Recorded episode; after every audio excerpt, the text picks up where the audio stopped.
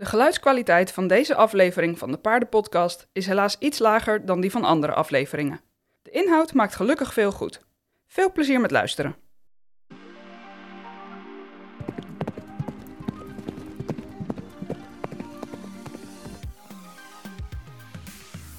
Welkom bij de Paardenpodcast van Horse in Mind.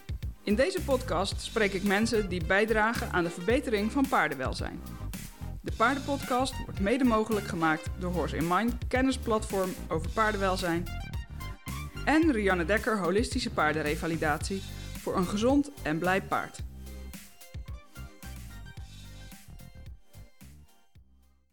Ben jij net als ik een echte learnaholic en wil je nog meer leren over paardenwelzijn? Dan is het Horse in Mind membership echt iets voor jou. Als member van deze community heb je elke maand toegang tot betrouwbare, actuele en diepgaande kennis over paardenwelzijn. Je ontvangt lezingen, lesvideo's en informatie over alles dat te maken heeft met het houden of trainen van paarden. Ga naar www.horseinmind.nl/slash membership voor meer informatie of om je aan te melden. Hi, ik ben Rianne Dekker en je luistert naar de veertiende aflevering van de Paardenpodcast. In deze aflevering hoor je Karel de Lange. En dat is een primeur, want hij is de eerste man in de uh, podcast. Karel de Lange weet ontzettend veel af van anatomie en biomechanica en uh, heeft een ontzettend goed oog voor balans. En als je denkt, ik ken die naam ergens van, het kan zijn dat je hem op Facebook wel eens voorbij hebt zien komen. Hij is daar namelijk uh, heel open en heel duidelijk over zijn mening. En hij uh, staat er een beetje uh, beroemd en berucht om. Ik zal eerlijk zeggen dat ik het dus een, ja, een klein beetje spannend vond wel om, om een podcast met hem op te gaan nemen. Maar het bleek dat hij een ontzettend vriendelijke man is en echt een wandelende bibliotheek. Ik vond het een ontzettend informatief en inspirerend gesprek. En ik ben heel erg blij dat ik het gedaan heb. Um, ik ben zelf geen wedstrijdruiter. Um, en ik ken ook helemaal niet zo heel veel van de, van de namen van uh, uh, de huidige uh, topsportpaarden of topsportruiters. Een groot deel van de podcast gaat er wel over. en vertelt Karel over wat hij daar goed en minder goed aan vindt. En wat hij graag als verbeteringen zou willen zien. Ik denk dat die interessant is voor iedereen, of je nou in de sport rijdt of uh, gewoon recreatief. Het gaat over balans, functie en gezondheid. En ik denk dat iedereen daar uh, baat bij heeft en elk paard. Ik wens je heel erg veel plezier met het luisteren van deze podcast en ik ben benieuwd wat je ervan vindt.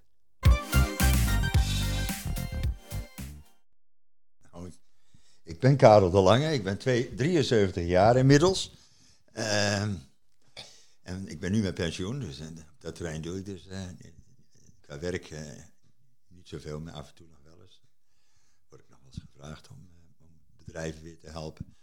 Mijn, mijn professie is eigenlijk altijd geweest dat ik in de bedrijfsorganisatie heb gewerkt. En als chief analyst over de hele wereld bellen. Soorten bedrijven. En altijd zitten kijken van functioneert nou een bedrijf? Hè? Hebben ze systemen? Uh, werken die systemen goed? Ja.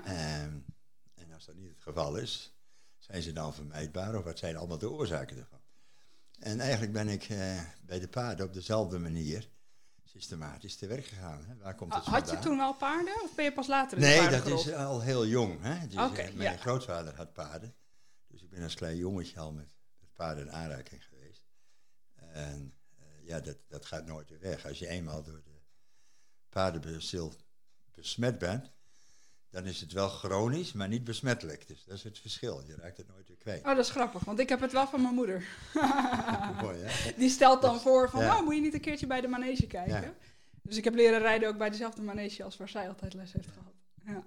Maar goed, dat in ieder geval. eh, en dat, dat beeld heeft me eigenlijk nooit weer losgelaten. Hè, van, van de paarden die mijn grootvader had. En, Ja. en ook de gedachte, mensen hadden toen ook paarden. Dat waren gebruikspaarden. ja, En die mensen wisten donders goed. dat is echt met een functie. wat waren de functionele eigenschappen van die paarden? Ja, Want zij, die paarden, werden nog 25, 26 jaar oud. Die zagen Ja. nooit een veearts. Maar die moesten wel heel veel werk doen. En, en dan ga je eigenlijk zoeken, en daar ben ik mee begonnen. Dan ga je steeds meer zoeken, je gaat steeds meer boeken lezen. En, en Ja. overal in de wereld waar ik was, als ik de kans had, ging ik ook paarden kijken. Nou, zeker in die Oostbloklanden kun je dan heel veel zoeken, hè, heel veel Ja. kijken. Ja, ja, ja. Daar is eigenlijk de West-Europese eh, paardenbeschaving begonnen, laat ik het zo maar zeggen. Maar waarom werd je daar nieuwsgierig naar? Ja, omdat een paard eigenlijk een, een dier is ah, dat zo fascinerend is. Ik, ik dat mag al even dus door. Anna, zeker. wil jij mij even dat, een van die folders geven die wij uitreiken bij de kliniek? Laat ik het even zien. Ja, die, die uitgeprinte. Ehm, en mijn grootvader had ook heel veel verstand van paarden. Die was zelf ook een paardenliefhebber. Hij heeft in zijn jeugd heeft hij bij de cavalerie gezeten. Die, bij de cavalerie gezeten. En, eh, dus eh, hij, en hij wist ook veel, kon ook uitleggen van paarden. En dat eigenlijk, wat mijn belangstelling helemaal werkte, wekte, toen was ik tien jaar oud, toen was Tello, was op dat moment twintig jaar oud. Ja, En op zekere dag zei hij, wij gaan zaterdag naar Assen, want daar komt Tello. En die moet jij zien. Hij zei, dan zie je een paard, daar zit Arabisch bloed in. Dat is een schimmel en het zijn eigen eigenschappen die wij voor al onze paarden nodig hebben. En, en toen zag ik dit paard, het paard stond daar aan de hand met, eh, met zijn voorbreng, roerloos. Niet helemaal nerveus, maar hij observeerde alles. Met die hele grote donkere ogen. En Ja. dat kun je dan zien, hè, dat een paard, dat hij alles opneemt. ja absoluut. En op het moment dat hij in beweging kwam, was dat onvoorstelbaar. Die, die hengst die hoefde niet opgejaagd te worden. Die marcheerde en die kwam van de grond. En dat was een paard van 700 kilo. En dat raakte amper de grond. Was En, en wat voor ras was dat? Dat is een Osfries, hè? Osfries. Oost-Fries. Oh, wow. Oost-Friesen, Oké. waar ons heel veel van ons gelukkig nog in onze paarden zitten. Hè? Waar nu ons, al onze prestatiepaarden van afkomen. En als je die, die bloedlijn allemaal weer gaat herleiden, wat ik ook allemaal doe, dan zie je dat juist net uit die paarden onze toppaarden komen, huidige toppaarden. De prestatie. En dit paard had dus evenwicht. Je hebt Ja. evenwicht nodig in de bouw. Heb je geen evenwicht in de bouw, heb je ook geen evenwicht in de bewegingen. Dat is simpel. Maar je moet weten hoe, hoe die formule werkt. Ja, En die zijn allemaal al lang opgeschreven hoor. Dr. Rauw deed dat in 910 al. Hè? Ook bij landstafmeester Dr. Rauw. En dat heb ik vertaald in het evenwichtsmodel met graden enzovoort allemaal. Maar de basis had hij helemaal al beschreven. En toen zei mijn vader, toen dat paard liep, toen zei hij, en dan zal ik het even op zijn Drent zeggen, dat is het mooiste. Kijk jonkje, zo moet een peert bewegen. Maakt niet uit, zei hij, of dat een wagenpeer is, een koetspeer, een rietpeer of een trekpeer. dus het is gewoon... Wat die man begreep, Ja. pas veel later kon ik dat invullen. Dat begreep ik toen nog niet. Maar ik heb die woorden nooit vergeten. Maar wat hij begreep was een paard heeft balans nodig. En het maakt Ja. niet uit of dat nou een, een rijpaard is, een trekpaard, een koetspaard, een wagenpaard, zoals hij het noemde. Maakt allemaal niet uit. Ze hebben allemaal balans nodig. Ze moeten zich allemaal in balans En kunnen verplaatsen. zijn, er dan, zijn er dan überhaupt wel speciale eigenschappen eh, die nodig zouden zijn of voordelig zouden zijn voor een bepaalde tak van de sport? Ja, alleen je kunt, hè, kijk, je kunt de natuur kun je een beetje afwijken, maar tot daar zijn grenzen voor. In 300 jaar geleden zei de Griekse wijsgeer Aristoteles al, er is geen enkele vorm in de natuur zonder een functie. Ja. Als je de vorm verandert, verander je ook de functie en die is altijd negatief. Dat zei Ja. man 300 jaar voor Christus al. Want de natuur weet het het beste. De natuur is niets anders dan balans. Alles in de natuur is balans. Alles in de natuur is evenwicht. En dat zie je, alles in de natuur is ook een cirkel. Het hele universum bestaat uit, bestaat uit cirkels. Je hebt geen vierkante sterren of vierkante planeten. Ja. Allemaal rond. En waarom rond? Omdat wat rond is, absorbeert en geeft de energie allemaal overal gelijk af. Om een voorbeeld te geven, ja. Als ik hier een gewicht heb van 50 kilo, in een vierkant of in een rechthoek, maakt niet uit, en die moeten jij en ik verplaatsen, dan hebben we daar wel even werk mee. ja. 50 kilo, dat weet je niet niks. Nee.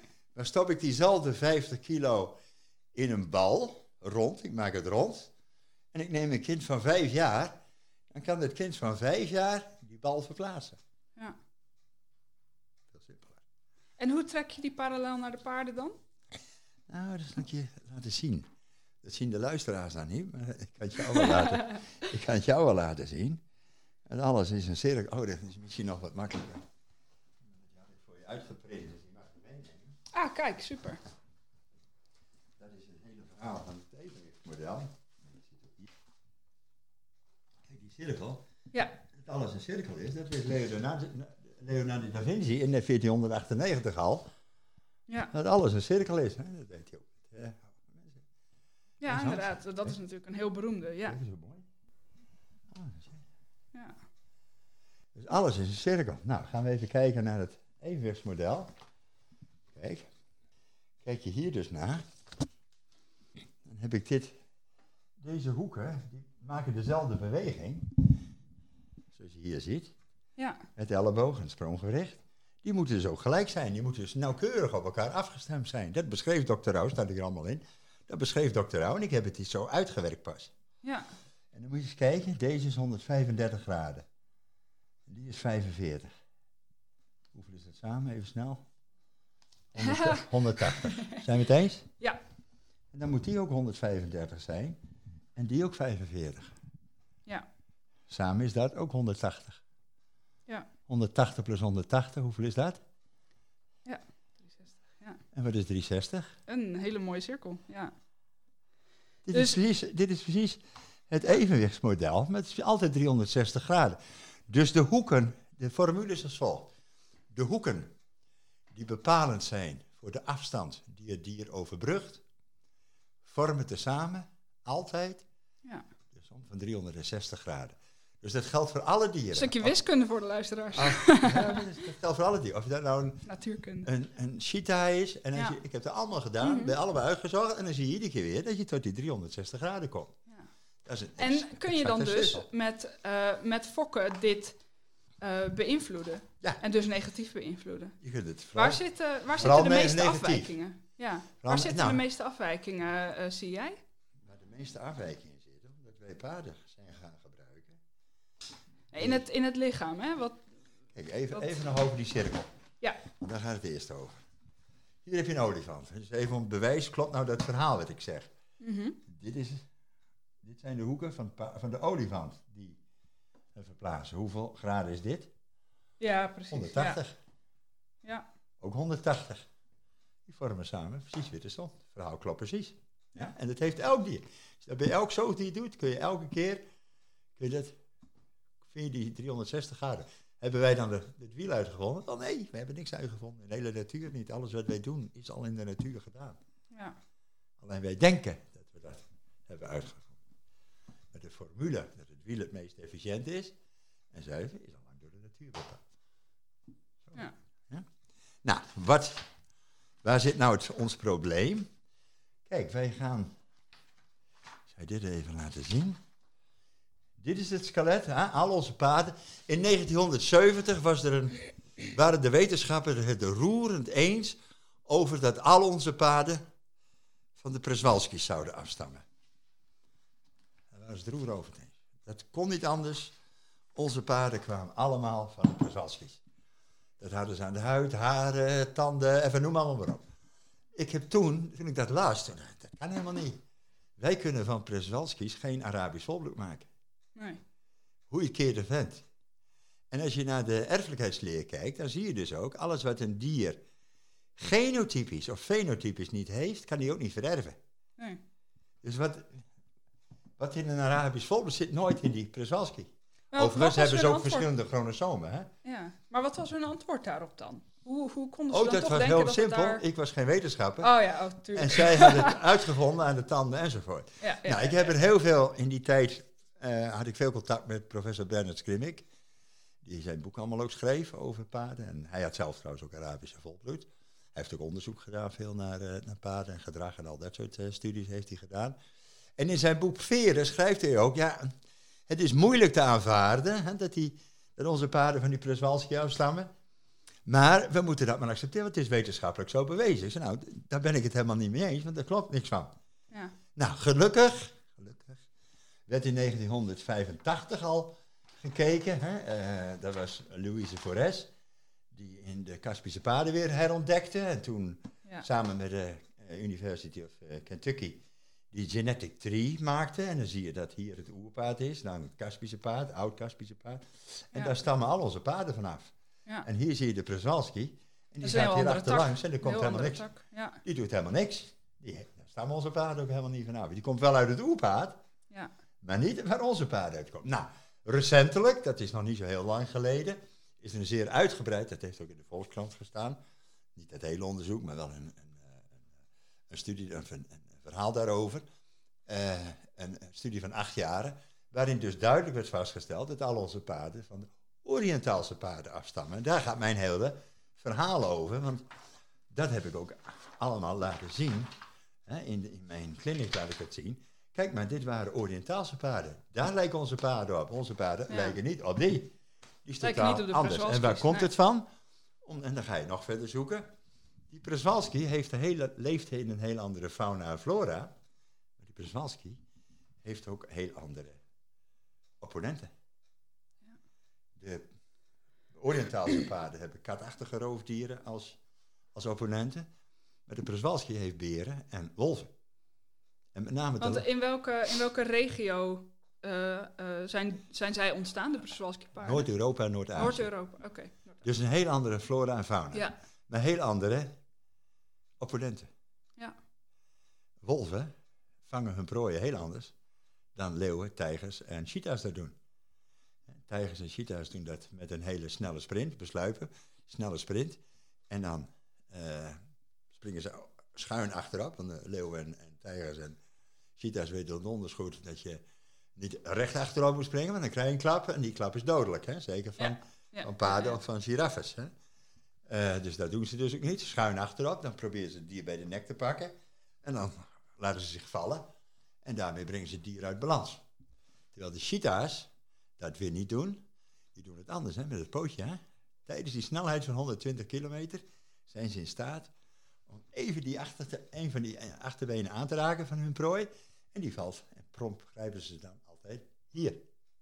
In de nek, ja. Nee, in de hals. Hals, ja, sorry. Maar waarom doet hij dat? Terwijl, De- de kwetsbare plek natuurlijk. nee, dat is wel kwetsbaar, maar waarom doodt hij hem hier? Grijpt hij hem hier? Snelst leegbloeden? Dat doet hij juist net niet. Ah. Want al, alle, dat, is, een kwestie van denken. Dit vind je nergens in de wetenschap. Dat is heel mooi. Ik heb ernaar gezocht, maar je kunt het niet vinden. Dus dan ga je, wat Aristoteles ook leerde, de logica gebruiken. En als je iets logisch kunt verklaren, Ja, dan pas zie je of het functioneel is. Nou, wat is het geval? Wij hebben allemaal mineralen nodig. Die eten wij via groentes en noem maar op. En wolven bijvoorbeeld, die eten niet alleen vlees, maar gebruiken vaak de halfverteerde resten van maag en darminhoud. Daar beginnen ze altijd mee.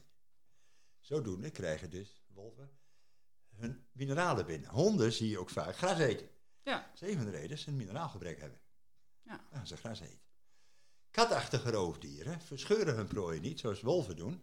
Vanaf in de billen ja. de spieren grijpen, zodat ze de doodbloeden. Dan pakken ze ook slagaters en bloeden ze dood. Maar dan zijn ze ook alle mineralen kwijt. Vandaar Ja. dat zij de maaginhoud aan beginnen. Ah, Katachtige roofdieren verstikken daarom hun prooi. Alle mineralen blijven in het bloed. En zodoende krijg je katachtige roofdieren. dat is inderdaad heel anders, ja. En wat maakt dat dan dus uit voor het uiterlijk van dus de Przewalski en het Kaspische paard? Omdat je door de andere, als je die prooidieren weer met elkaar vergelijken, met elanden, rendieren enzovoort, dan zie je daar weer overeenkomsten in. Korte halzen, stompe hoofden, stompe neuzen, eh, ogen niet zoals de, de Oriëntaalse prooidieren hebben, groter naar de buitenkant, want die moet 180 Ja. graden rond kunnen kijken aan weerskanten, wat paarden ook kunnen als je een paard goed hebt. Die eigenschap mag je hem ook nooit afhalen. Nou, dat Nee. doen wij. Ja, Wij zetten paarden gewoon met de ogen heel dicht bij elkaar. En dan, eh, ja, dan vinden we het gek dat het paard heel nerveus is. En waarom? We hebben een van zijn evolutionaire waarden afgehaald. ja. Daar is hij niet vertrouwd mee. Dus hij kan niet meer 100% achterom achter zich kijken wat er gebeurt. Dan wordt hij nerveus. En, dat is het resultaat van, van fokken? Allemaal, allemaal resultaat Ja. van.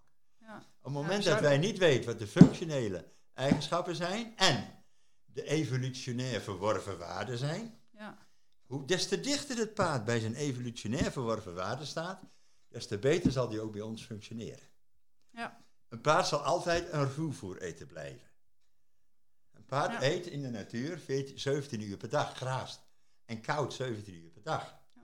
Op het moment dat jij zijn voeding gaat eh, maken in drie porties, zoals wij ook doen, ontbijt, lunch en het avondmaal, en dan geef je hem ook nog maar een handjevol hooi, want, lees maar op het internet, als je te veel hooi krijgt, dan krijgen ze een grasbuik. En die willen wij niet. je voor. Ja. Grasbuik. Oh ja, je moet atletischer. Dus wat hebben wij gedaan? Wij zijn hele kleine rompjes gaan maken via de Engelse volbloeds. Hè. Zijn we dat gaan doen? ja. Kijk eens hoe die romp verkleind is. Maar als je die romp verkleint, verklein je ook de darminhoud. Dit paard Ja. wordt volgevoerd, een Engels volbloed, met 10 kilo krachtvoer en zo'n handje vol Ja. ruwvoer. Paarden die volop ruwvoer krijgen, krijgen ook nooit koliek. Ja. Paarden die dat niet krijgen, deze die Mhm. vol koliek. Kijk, gaan we naar het soort standaard. Ja. Maar we zetten hem helemaal op de kop neer. En we zetten ze onderstandig neer. Kijk naar dit. Daar zie je. Kijk eens naar deze hoek. ja. Die is heel groot. Voorbenen netjes onder de schouder. Juist. Ja. Maar hier staat die schuin, hè? Ja, maar deze is veel kleiner geworden. Dus hij staat helemaal al op de voorhand. Een goed gebouwd paard, Ja. die staat 60% op zijn voorhand. En 40% hebben we het over een goed gebouwd paard. Hè? Onze moderne Ja. paarden zijn het al niet meer. Die hebben allemaal 70% of meer op de voorhand. Vandaar dat allemaal ook eenpoten zijn. Ze bewegen op één poot. Maar daar komen we straks inderdaad ook nog op. Ja. Dus wat zie je bij die, eh, dat, die van die 60% moet het paard om in balans te bewegen, moet die 10% niet meer naar achter brengen. We roepen altijd, oh, je moet meer, meer gewicht op achter. Nee, dan loopt hij niet in balans. Want wat zegt de FI-regel? Het paard loopt in balans als hij zuiver het te verplaatsen gewicht over de dragende benen verdeelt. Ja. Het is 50-50. Dus hij moet een mechaniek hebben, een skeletmechaniek, waarmee Ja. hij die 10% naar achteren kan brengen. Ja. heb je dus een dalende achterhand voor nodig. Want als die achterhand daalt, kan de voorhand reizen. Ja. Zolang die achter, eh, dus het paard heeft er niks aan met allemaal. Als dit het paard is, dan kan hij het nog zo ver onderbrengen. Daar heeft hij niks aan, want als ik hier het paard verder onderbreng, dan doet hij dit. En als hij hem hier brengt, dan doet hij dit. Alleen juist midden, Precies in het midden, ja. Dan, dan is hij in balans. Ja. Dus dan, en om dat te doen, moet hij dus die achterhand laten dalen. Zonder dalende achterhand lukt dat niet. Ja. Dus daar heeft hij een mechaniek voor nodig, maar ook bepaalde beenstanden. ja. Als we die En de- denk je dat er to- tot in bepaalde mate tegenop te trainen is? Ik bedoel, een slecht gefokt paard kun je natuurlijk nooit meer kun je nooit zo goed krijgen als een, als een goed gebouwd paard. Nee. Laten we dat voorop stellen. Maar is er een beetje tegenop te trainen dat je, dat, eh, dat je het zo'n paard comfortabeler kan maken en de training comfortabeler kan maken? Jawel. Nou, je, kijk, het is, al, het is altijd zo. Als het paard niet in balans gaat, kan de ruiter niet in balans zitten. Ja. Als de ruiter niet in balans zit, kan het paard niet in balans gaan.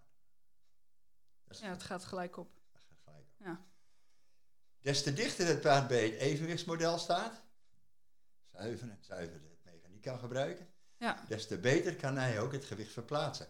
Ongeacht of dat gewicht nu naar voren moet of omhoog. Daar heeft hij hetzelfde gewicht, eh, het- het- hetzelfde eh, skeletmechaniek voor nodig. ja, Dus het idee om zogenaamd dressuurpaarden en springpaarden te fokken, is absoluut waanzin. Dat zie je trouwens ook. Je ziet iedere keer weer uit dressuurpaarden soms hele goede springpaarden komen. Die hebben juist Ja. het net goede model. En uit springpaarden goede dressuurpaarden. Want wat is in het, in het fokbeleid op dit moment eh, wat een goed dressuurpaard tussen aanhalingstekens maakt? Waar wordt er nu op gefokt? Op mode en smaak. En hoe ziet dat eruit? Mode en smaak is bijvoorbeeld, we gaan een paard uitrusten met lange voorbenen. Ja, Nou, dan vraag ik altijd, hoe lang moet die dan zijn? ja, Ik krijg nooit antwoord op. Oh, dus je gaat wel iets aan een paard doen. En heeft dat dan te maken met dat het dan optisch lijkt alsof hij daalt in de achterhand? Ja, nee, dan, dat niet alleen. Hij lijkt niet optisch. Kijk, weet je wat men heeft gezien? Men heeft gezien dat hij dit doet. Ja, Hij deed achteraan geen daal. Toen zei men, weet je wat? Dan zetten we hem ook alvast zo neer. dan wordt het makkelijker. Dat wordt hij juist niet. Nee. Want dan wordt hij een giraf. Die laat zijn achterhand Ja. niet dalen. Een giraf is een, Ja, is een, of een hyena. Dat zijn trouwens beide telgangers. En een giraf, als Ja. je dat kijkt, is prachtig mooi om te zien. Die zie je dus ook precies iedere keer zijn hals dit en dit doen. Kijk, Naar opzij. kijken naar de beweging. Dus als hij op de linkerkant rust, Ja. laterale beweging, dan gaat zijn hals naar rechts. Ja, het is heel, het is heel interessant. hij eh, naar links. Ja. ja, het is heel interessant om inderdaad beelden te bekijken die er gemaakt zijn van, van bovenaf in stap, draf en galop. Ja. En dan kun je zo, en dat ook van de zijkant zien. Want dan kun je zo mooi zien hoeveel die, Ja. die hele eh, ruggengraat van, van kop tot staart meebeweegt. Van links naar rechts en omhoog en omlaag. Ja. Super interessant. Ja, wij maken daar ook heel gekke dingen van. Hè? We gaan zomaar zeggen dat we de rug bol kunnen ma- moeten maken. Ja. Er is niks bol aan te maken. De ribbenkast is een ton. Daar is niks aan te... Daar kun je niks mee doen. Helemaal nee. Maar goed ook trouwens. Die formule werkt voor alle zoogdieren. Die hebben ze allemaal gelijk gekregen. Want die moet namelijk Ja. jouw hart en longen, twee hele kwetsbare organen, beschermen. Ja. Daar is niks aan. Alleen die ribbenkast moet wel rond zijn. Want rond is weer stabiliseren. Maak je de ribbenkast plat, dat hoor je ook. Ik hoor precies of een paard, je kunt horen of een paard een goede ribbenkast heeft of niet. Ja? Paarden die een platte ribbenkast hebben en die gaan liggen, dan hoor je plof. Dan hoor je de klap. Ja. Paarden die een ronde ribbenkast hebben, hoor je haast niet en die rollen ook iets door. Heel mooi om te zien allemaal. De natuur is op dat terrein perfect. En met een ronde ribbenkast heeft een paard ook veel grotere longen. Ja. Die longen heeft hij weer nodig, want wij willen veel prestatie van hem. Uithoudingsvermogen. Ja. Dat kun je alleen, maar die, die Engelse volbloed met die kleine longen, en die ribbenkast hebben we veel kleiner gemaakt, dan lijkt het net alsof die Ja. voorbenen ook langer zijn. En als je dan ook nog de pijpen iedere keer kijkt, naar pijpen met lange pijpen, dan gaat het dubbel op. Dan krijg je helemaal lange voor. Het lijkt het of ze lange benen hebben. Ja. En dan gaan we ook in sommige gevallen nog de onderarm langer ma of korter maken dan de pijp. Het meest schadelijke wat er is voor een paard op zijn voorhand, dat zien we ook allemaal terug. Hè? Kijk maar, laten zien hoe dat werkt. Met artroses en blessures bedoel je? Nou, kijk, dit zijn dus de Engelse volbloeds waar Dr. Rauwel over schreef in 1910. Dat je die niet in de rijpaden moet gebruiken. Hij zei, die zijn allemaal op de voorhand gebouwd. Doe je dat toch, dan zal de uitval groot zijn. Die hebben nu. Ja. Man heeft 100% gelijk gekregen. En kijk maar wat deze paarden doen. Die staat op één voorbeen, zie je dat? Ja, En ja eens dan met zie je inderdaad. Ja. Dit, is, dit is de volbloed, dit is een volbloed. Dit is een product van een volbloed. Ja. Die we erin gevoerd. Maar ja, wat doen die paarden? Ook allemaal op één voorbeen. Dit zijn de, de moderne dressuurpaarden. Ja. Die allemaal op één voorbeen lopen. Toen ik dit... Want eh, gewoonlijk zou je inderdaad willen dat het, dat het achter, eh, achtervoetje en de voorvoet tegelijk de grond verlaten. De- of achter zelfs ietsje later. Achter iets la- en hij moet En ook nu- iets voor die andere landen. Ja, en nu zie je echt hè? heel veel Ja. bij inderdaad de, de moderne warmbloeden en de, en de sportpaarden, dat er gewoon een, een voorvoet aan de grond blijft. Dat is totaal tegen de regel in. Het is ook geen tak meer. En in de draf staat heel Nee, uitdrukkelijk. Ja. dat hij een, een, een twee-tempi beweging is. Een takmatige beweging met een gelijkmaat. Dit is geen balans. Dit schreef Nee. ik toen ik tien jaar hier geleden mee begon, dit te schrijven. Toen ging men die paarden fotograferen. Of, eh, t- eh, Hoe, hoe denk je dat dit paard zou bewegen als het niet gefokt was met zo'n lang voorbeen? Dat is ook gewicht. Ja. dit paard kijk, waar ligt het diepste punt van dit paard? Ja, heel erg veel vooraan. de voorbenen. Ja. Die ook. Die ligt niet in het midden. Die ligt tussen de voorbenen. Ja. Ja? Precies. Dus er is nog veel meer aan de hand dan alleen een lang voorbeen. Ja, ja, ja. het is de heel, het hele gewicht. En wat wij willen is dit. Kijk maar naar dit paard. Ja, Gewicht zuiver verdeeld over de dragende benen. Kijk maar. ja. Hier zie je precies. Een leek, zeg maar, staan. om even tussen aanhalingstekens, een leek of iemand die hier minder vanaf weet, die zou dat kunnen herkennen. Dus aan bijvoorbeeld in hoeverre de, de coat doorzakt bij beide. Juist, dat, Staande al- dat, benen. dat teken ik ook altijd. Als ik even Ja. mag gebruiken. Jazeker. Kijk, die en die belasting moet gelijk zijn. Ja, Kijk maar. Dan heb je belasting precies het coat. Ja. 100% verdeeld over de dragende been. ja, Dit is een galop die wij willen. Kijk, dit paard is zuiver in balans. Deze ook. ja. Kijk, die is onder het zadel ook zuiver in. Wat we ook tegenwoordig zien is dat ze helemaal zo lopen. Hè? Dan heten ze bergop. Fout, Ja. fout. Dan heb je een bizar groot gesprongen galop en dan denk je... Ja, nee, maar dan moet hij helemaal zo, dan moet Ja. helemaal zo naar voren hangen. Ja, Fout, want dan Ja. kan die ruiter helemaal niet in balans zitten. ja. En er zit minder uit, en gauw, je zit er zo met te prikken en met te hangen zo aan die, aan die, aan die mond. Kijk, en dit is als je heel veel op de voorhand beweegt, Ja. de damage. Oh man. Die voorbenen die zijn echt heel krom. Ja, maar dat is, Ja. En wat doen we? Dat zien we dus ook bij onze Engelse volbloeds. Die gaan allemaal met vier of vijf Ja. jaar, gaan ze al met pensioen. Ja. Afgezien van hoeveel... Nou ja, wat je natuurlijk bij warmbloeden ook veel ziet, is dat, zeker als het dus merries zijn, ah, die kan wel, weet je, nog een paar veulens krijgen. En die wordt dan gebruikt als fokmerrie. Terwijl waarschijnlijk is eh, eh, een van de oorzaken dat ze überhaupt niet Niet meer functioneert, Nee, is de manier waarop ze gefokt is. juist, dat zie je dus. Een goed voorbeeld daarvan zijn de nakomelingen van jazz. Ja, En die heel moeilijk allemaal te rijden zijn, afgezien dat ze nog heel veel allemaal in onbalans zijn bijna. En ook verkeerde hals hebben. En die hebben ook geen gewelfde hals meer. Die hebben zo'n schoorsteenhals, waar je een, een, een, Ja. een boog intrekt. ja, Nee, die moet een paard van nature hebben. Hè?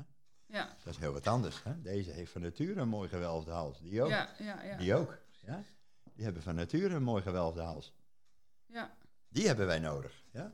En dan, wat de natuur al geeft, die hoef je er ook niet aan te rijden. Dan moet je juist met de vingers afblijven. Dat is de hele rijkunst. Kijk eens. Ja, inderdaad. Kijk eens wat mooi. Ja. Dat zit er allemaal Zijn in. er op dit moment eh, ehm, rassen waarvan je het fokbeleid goed vindt? Ja. Bij de, bij de barokke paarden zie je vaak nog goede. Bij de pre zie je nog vaak, eh, alhoewel daar ook de trend begint. Ja, nou inderdaad. maar gaat daar ook de mode volgen. Hè? Want eh, Ja. lange voorbeelden vinden ze in Europa mooi. Dus Ja. gaan wij ook prees. Nee, waarom vinden wij die pre zo goed?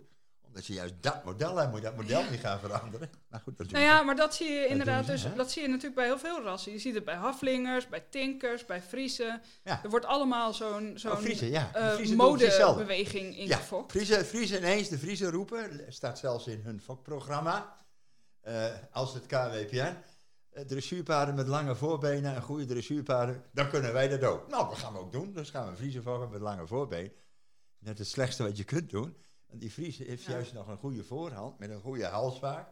Ja. En die vaak ook nog, in, eh, de Friese hebben wel een wat afgeslagen kroep, dat is voor dragen wat moeilijker.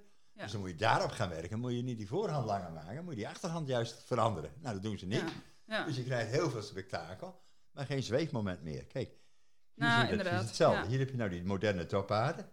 Kijk Ja. wat die doet. Weer een voorvoet aan Maar als je nou leest in de hoefslag en in de Ja. horses en in de paardenkamp, geweldig goede draf. Ja. Mooi voorbeengebruik en goed in balans. Staat er ook nog vrolijk onder.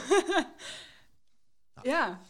Terwijl je zou inderdaad denken dat iemand die zich verdiept heeft in wat de juiste tact hoort te zijn, dat je dat dan toch zo makkelijk ziet. Deze man, geniaal man, Gustav schreef, Gustav Overlandstermeister, Dr. Gustav Rauw, schreef in 1910 al dat als de harmonie en balans in de bouw van het paard en de resulterende gebalanceerde bewegingen ontbreken, dan bedenken mensen de balans erbij. Ja. Mensen kennen op dit terrein geen grenzen en ze maken de wetten van de natuur ondergeschikt aan hun rijke fantasie. En wanneer schreef hij dat? In 1910. Het had, het had vandaag geschreven kunnen zijn. Het is tijdloos. Balans is tijdloos. Tegenwoordig zie je het veel aan de fotografie, hè? Nou, dat, dat, dat zal ik je wat vertellen. Ja, Toen ik begon, ik tien jaar geleden, te vertellen dat die paarden allemaal op de voorhand, eh, dat ze ongelijke voeten hadden. Ja, Dat is ook heel sterk, hè? Ongelijke. Ja, ja, ja, Nou, alle ongelijke voeten leiden uiteindelijk tot kreupelheid. Hoe je het keer vent, vroeg of laat worden ze kreupel. Toen ik dat begon te schrijven, ging men die foto's niet meer op het harde maken, maar op het gras. Je ziet geen enkele KWP Hennings meer op het harde. Die zetten we in het gras neer en dan denken ze, zie je het niet zo. Ja. ik zie het nog wel, maar goed, leken Nou ja, zie ik vaak niet meer. Maar daarmee hebben we het probleem ja. opgelost. Ja. Toen ik dit begon te schrijven, dat al die paarden op één voorbeen stonden, begonnen ze op horses bij de paardenkrant de foto's allemaal te draaien.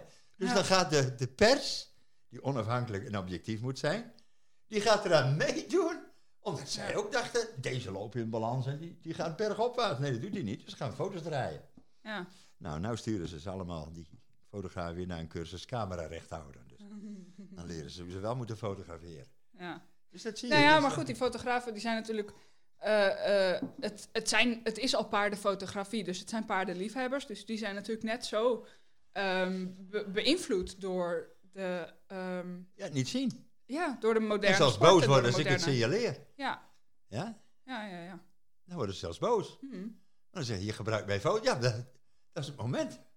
Ja. Die heb jij gepubliceerd, want je- dat was nog de beste foto die ze konden vinden. Kijk, en wat wij zoeken is dit. Ja. Gewicht gelijk over de benen. En ze hebben het nog niet eens over het zweefmoment. Hè? En hier zie je het diepste punt in het midden. De hals zoals die op moet. Ja. Moet je hier aan die hals zitten trekken? Nee. De hele kunst is om daar juist af te blijven. Hè? Ja. De, kijk eens, al die schoonheid. En dan zie je ook, hier zie je heel mooi dat die benen in één... En dit zijn Dit Shagia Arabieren. is een Arabisch, dit is een Shaggy Arabisch. Ja. En dan zie je ze het achterbeen, kijk maar, precies onder het midden komt. Zie je mooi in het midden uitkomen. Ja. En die gaat naar binnen. Ja. En hoe werkt dat? Dat leg ik dus allemaal uit op mijn clinics.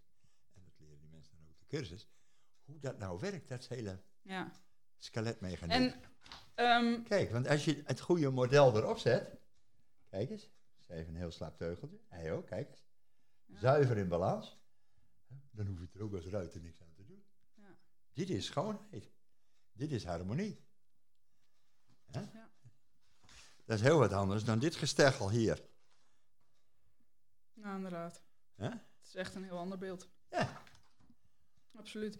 En ehm, dus ervan uitgaande dat je. eh, kijk, we zijn nu natuurlijk al gewoon eh, met fokken al een heel eind bij de natuur vandaan, bij bijna ieder ras. Denk ik. Is Nou, het. bij, bij TSP dus niet. Hè? Wij, wij, ons stamboek is juist. Hè? Ik zeg Ja, het, inderdaad. Ja. Ons stamboek, het, Europees-Arabisch stamboek voor shaggerpaarden, sportpaarden, sportponies. Ja. is juist de basis van ons, is juist het hele evenwichtsmodel. ja. Maar wat ik me dus afvraag is: dus als je verschillende rassen hebt, is het dan mogelijk om, om naar dat model te fokken en toch rastypische eigenschappen te behouden? Ja. Of wel? Ik zal daar een voorbeeld van geven. Graag. Alle paarden in de, die in het, in het, eigenlijk nog dicht bij de natuur staan, bijvoorbeeld berbers, Ja. die in wat bergachtige omstreken leven, zie je, en bijvoorbeeld haflingers. In de bergen heb je wat minder aan eh, voordeel van gedragen bewegingen. Ja. Want je kunt omhoog niet een gedragen beweging hebben met een groot Nee. zweefmoment. Ja. Maar je moet wel balans hebben. Ja, precies. Dus wat zie je Ja. bij, die moet ook iets meer stuwen dan dragen. Maar dan kom je dus mogelijk. eigenlijk uit bij functioneel. Functioneel. Functioneel Dus fokken en functioneel. Dr. Rauw schreef ook in zijn Ja. boeken, in 1910 al, hè, die- de man was geniaal. Toen hij dit allemaal schreef, dat hele document eh, over de pa- Duitse paardenfokkerij, Ja. toen was hij nog maar 28 jaar oud. En toen dacht hij, waarom moet hij nou al die wijsheid opgedaan? En nee, toen had je heel ervaren paardenmensen, die dat ook wisten, wat het evenwichtsmodel was. Hè, wat zij dat gelijkgewicht noemden, altijd. En daar heeft hij heel goed zijn oren te luisteren. Hè? Heeft hij die kennis opgedaan en heeft het uiteindelijk vertaald in zijn boeken. Ja. Maar die kennis is wel aanwezig. Daarvoor was hij zo goed. Alleen hij vergaat het al op jonge leeftijd. En hij kon het vertalen naar, wat het, naar functioneel. Wat is nou functioneel? Ja. Daar zit het hele criterium in. Ja. Nou, wat is functioneel? Dus als jij paarden wil beoordelen, dan moet je ook iets van rassen weten. Voor, wat voor het ene ras eh, gewenst is, kan voor het andere ras een nadeel zijn. Een voorbeeld geven? Nou, bijvoorbeeld hè, een wat sterker hellende kroep geeft minder draagvermogen, maar wel meer stuwing. Maar als ik de berg op moet, zoals Haflingers en Berbers, die juist in die bergachteromgeving eh leefden, dan is het een voordeel. Ja. Ja, Dus precies. Daar moet je ja. heel goed naar kijken. Nou gaan we Haflingers ineens fokken. Dan stapt men helemaal af van die functionele. Want dan gaan ze ook langer voorbennen geven. Ja. Dat vinden we ineens. Nou ja, dat is het, het lastige van al die verschillende rassen hier in Nederland. eh, voor mensen die de sport in willen, of zelfs als ze gewoon recreatief willen rijden, is dat de oorspronkelijke functie er eigenlijk helemaal niet meer is voor het paard. Die kan die oorspronkelijke functie is helemaal een niet meer uitoefenen. wegwerpartikel geworden. Gewoon zo wordt is hij een luxe artikel. Een luxe Ja. We kijken niet meer naar de fan. vinden het normaal dat daar, als je erop gereden hebt, dat er gelijk een osteopaat en een fysiotherapeut, een gebedsgenezer, handoplegger en wat nog. Wat Ja. voor hulpverleners wij tegenwoordig hebben. Terwijl juist het principe van de klassieke dressuur is het gymnastiseren van een paard. Ja. Waarom worden die Spaanse Lipizaners 25 jaar oud Ja. en kunnen ze nog die hogeschoolsprongen doen? Ja. En belanden onze paarden voordat ze acht Ja. en nog niet eens vergroeid zijn, Ja. al eh, bij De de gemiddelde leeftijd van uit de verzekering gaan ligt geloof ik op het moment op 7. zeven jaar. Ja. Dus het grootste deel van onze paarden is voordat ze volgroeid zijn, een pas, pas volwassen, wat ongeacht welk paard, als hij acht jaar oud is, voordat hij dat is, hebben wij hem naar de Filistijnen gereden. Nou, hoe, hoe, hoe gek dit is, die belevenis is, dat zie je bijvoorbeeld in het recentelijke verhaal van de eh, sectorraad paarden. Ja. De sectorraad paarden, dat is die club van, waar, een zelfbenoemde club, die vervolgens zegt, zo, en nou vertegenwoordigen wij de hele paardenwereld en zijn wij het aanspreekpunt voor de paardenliefhebber naar het ministerie. Oh ja? Daar heb ik helemaal niet om gevraagd. U niet, ik niet. Maar we, zo stelt de rector sectorraad zich op. Daar zitten dan in de KWPN, de KNS. Daar mag de koepel ook meedoen als ze goed betalen. Dus dat zijn die andere stamboeken. Moeten ze eerst voor, voor betalen, anders mogen ze niet meepraten. En diezelfde KNS en KWPN gaan nu de min- minister vragen om de erkenning van het trekpaard nu eindelijk in te trekken, want die trekpaarden die komen nog steeds met gekoupeerde staten op de, op de keuring. En dat moeten ze niet. Op zich niks mis mee. Overigens, in 1942 werd door de nazi's het couperen van staten, al verboden. Aha. Al ietsje verder dan wij. Dus nazi's hebben niet allemaal slechte dingen gedaan, voor de paarden goed. Maar diezelfde club, dus we hebben het even over de KNS en die vindt helemaal niet erg dat al driejarige paarden op wedstrijden gaan. Ja. Die vinden het helemaal niet erg als paarden ongelijke voeten ze hebben. hebben onlangs trouwens een nieuwe rubriek gewoon in het leven geroepen, hè? Ja. Speciaal voor die driejarigen. Dat is toch van de zotte? Nou, dus die gaat anderen beoordelen op wat zij doen. En die kijkt, steekt de hand helemaal niet in eigen boezem. Die vinden het helemaal niet erg dat we met de rolkuur de paarden helemaal in de vernieling rijden. Die vinden het ook helemaal niet erg dat de neusriemen helemaal zo sterk aangetrokken worden dat die paarden soort geen adem meer kunnen krijgen. Die zien we nog op de er- er zijn, er zijn nou speciale apparaatjes ontworpen. Echt, ik, ik kan er niet bij. Om, om, om een standaard te stellen voor twee vingers tussen neus en neusriem. Maar dat is op zich Maar- helemaal goed. Nou die wordt ja. niet eens gecontroleerd. Het, is, dat, het moet gewoon gecontroleerd worden. Het Dat is doen toch, we niet. Want die het is toch ruiters, idioot om dan, eh, dat, dat dan de discussie ontstaat over... Ja, maar eh wiens twee vingers nemen we dan? Weet je wel? Eh, de een heeft heel grote vingers en de ander heel kleine. Maken we er een apparaatje voor? Oh ja, ja, maar dat ja. is dus het hele punt niet. Dat gaan we ook met de teugels doen, hè? Hoeveel druk hebben wij op de teugels? Ja, En want dan gaan we zien of de verbinding goed is. Nee, de beste verbinding is geen verbinding. Moet je hier aan die teugel zitten trekken met dit hoofd zoals die is? Nee, die is precies zoals die moet zijn. Ja, Maar zo moet je ze ook fokken. ja. Daar hoef je als ruiter niks aan te doen. En als ruiter leren om niet in de weg te zitten. Houding en zit wordt echt En heel erg vooral- vergeten. Afblijven met je handen. En nu is handen rijden, heet, als je het paard achter de loodlijn trekt, dan heet dat verbinding. En de ruiter die nog met de neus voor de loodlijn is, die krijgt een afstraffing. Ja. Geen verbinding. Je hoeft, eh, eh, je hoeft in het B eigenlijk niet op de loodlijn te rijden. Het mag met de neus voor de loodlijn. En toch is er geen Ook enkel jurylid. Ja, en toch is er geen enkel jurylid dat dat, eh, dat, dat oké vindt. Nee, omdat die, die arme mensen zijn precies zo opgeleid. Dus ik zou al die ruiters die klassiek rijden, zou ik, voordat Ja. ik de proef zou gaan rijden, zou ik naar de, het jurylid gaan en zeggen, zo meneer, of mevrouw, dit zijn de regels, ik wil het zo beoordeeld worden. Ja, Zijn we het daarover eens? ja. En als u zegt nee, dan ga ik hier niet rijden. Dus u moet mij niet na die tijd zi- zitten te verkopen van eh, geen verbinding omdat ik de neus niet achter de loodlijn heb getrokken. Zijn we het daar ook over eens? Dan ga is- rijden. En komt het eh, eh, door de opleiding van juryleden? Ja, of, denk, tuurlijk. of denk je dat er nog meer aan de hand is Nee. achter de schermen? Nee, kijk, toen... Er wordt wel eens geroepen dat er veel geld bij gemoeid is, bijvoorbeeld. Dat is het ook. Maar kijk, toen. Ankie met haar rolkuur de wereld veroverde, dacht de hele paardenwereld, de Nederlandse paardenwereld, dat wij het wiel hadden opnieuw uitgevonden. Want hoe ging Hugh Battles dit verkopen? Die verkocht dit als eh, de dressuur had 200 jaar stilgestaan. Kijk nou eens. Oké. Ja, dus de klassieke dressuur. Hè? Dat is een achterhaald oh ja. iets, schreef Rosie in de, de paardenkrant. Die dressuur, dat is 200 jaar geleden, allemaal achterhaalde filosofie. Wij, Nederland, hebben de nieuwe progressie. Wij, Nederland, hebben dat ontdekt. En kijk maar naar Ankie en kijk maar naar Totelas. Maar Totelas vonden ze wel zelf een, een toevalsproduct. Maar daar schreef Rosie niet over. Want hij voldeed, namelijk Totelas voldeed Ja. helemaal niet aan het idee van het, het moderne dressuurpaard met die lange voorbenen. Nee, in tegendeel. Hij was net andersom. Dus Maar goed, daar praten we dan even niet over, een poosje. We hebben het over, wij, en wij liepen zelfs tien jaar op de wereld vooruit. De hele wereld was jaloers op ons. Wij hadden de dressuur opnieuw ontwikkeld. Balans is niet opnieuw te ontwikkelen, maar goed, is tijdloos. En wij hadden ook de beste paarden. Nou, en nu blijkt, tien jaar later, dat we helemaal geen tien jaar voorop lopen. Dat onze rijkunst helemaal niet zo hoog is. En dat die rolkuur toch zo wel heel veel schade geeft. Ja. Nou, dat proberen, want we hebben het allemaal fout gedaan. Maar om zelf te zeggen, we hebben het fout gedaan, dat is heel moeilijk. Ja, zeker. En zeker voor, voor deze mensen die aan de top zitten. Dus wat heeft de hele KNS gedaan? Die heeft onze opleiding opgebracht bij Anki en bij Battels.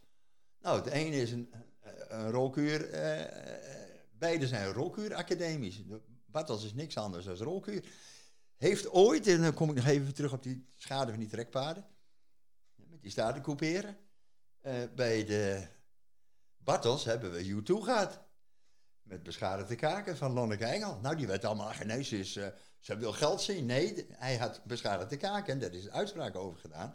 Door top veterinair. Hè, de Universiteit van Gent en van Dublin. Van Dublin nu. uh, die heel duidelijk aantonen dat zijn vernielde kaken door excessief gebruik, stankgebruik veroorzaakt is. Ja. Praat de KNS daarover? Wel nee. Wel nee. Wat ging, er nauwelijks over gehoord. Wat deed, wat deed uh, Martin van der Heijden?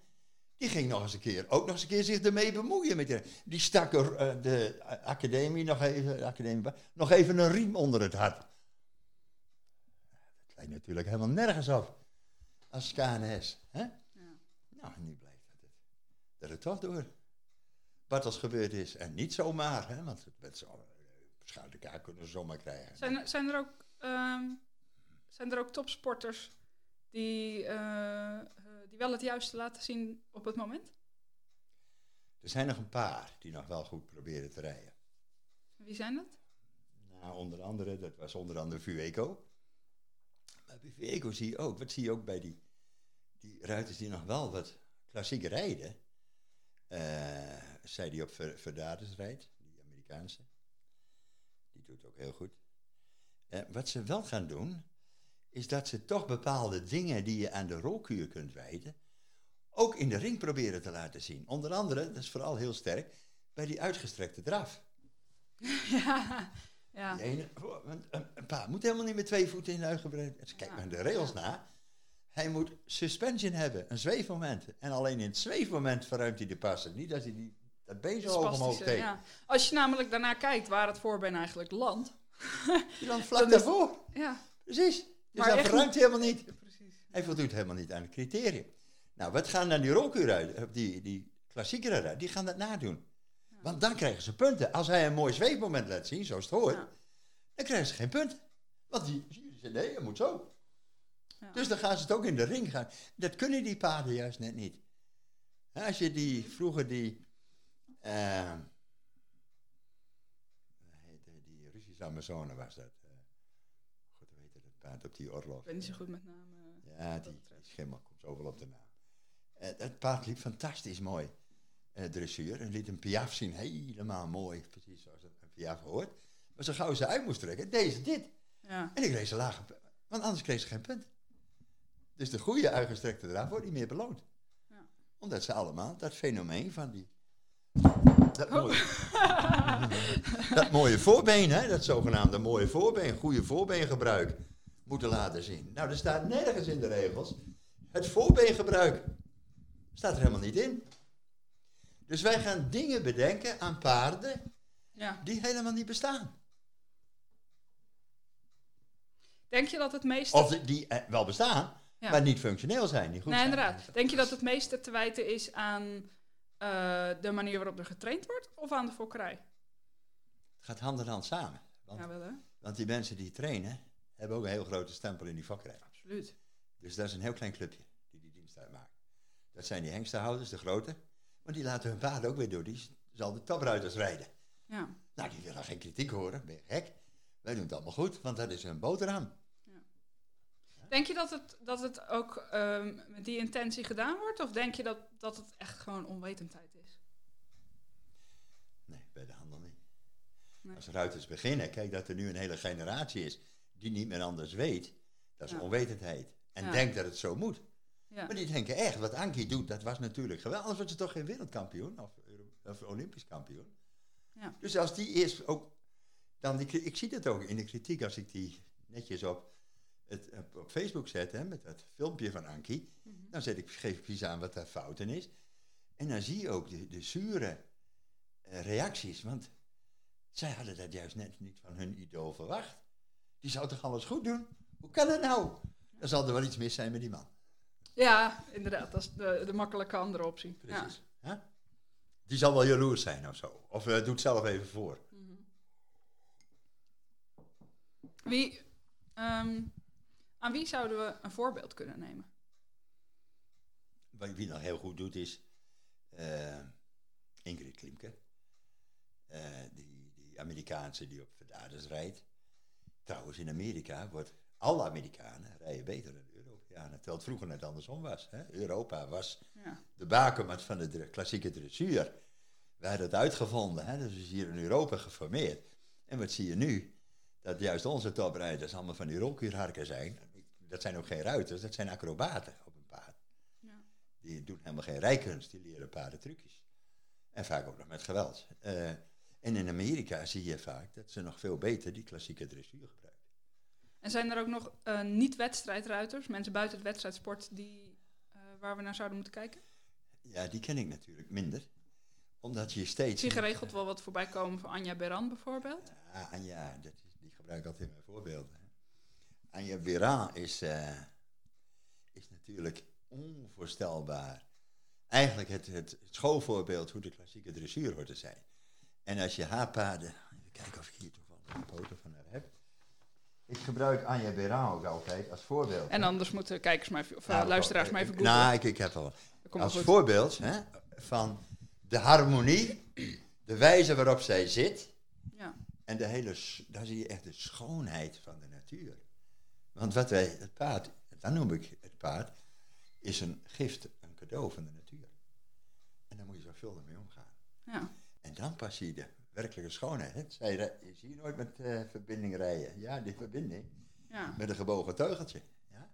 En het hoofd, en daar zie je ook de uitstraling van het paard in de ogen. Dat paard heeft plezier.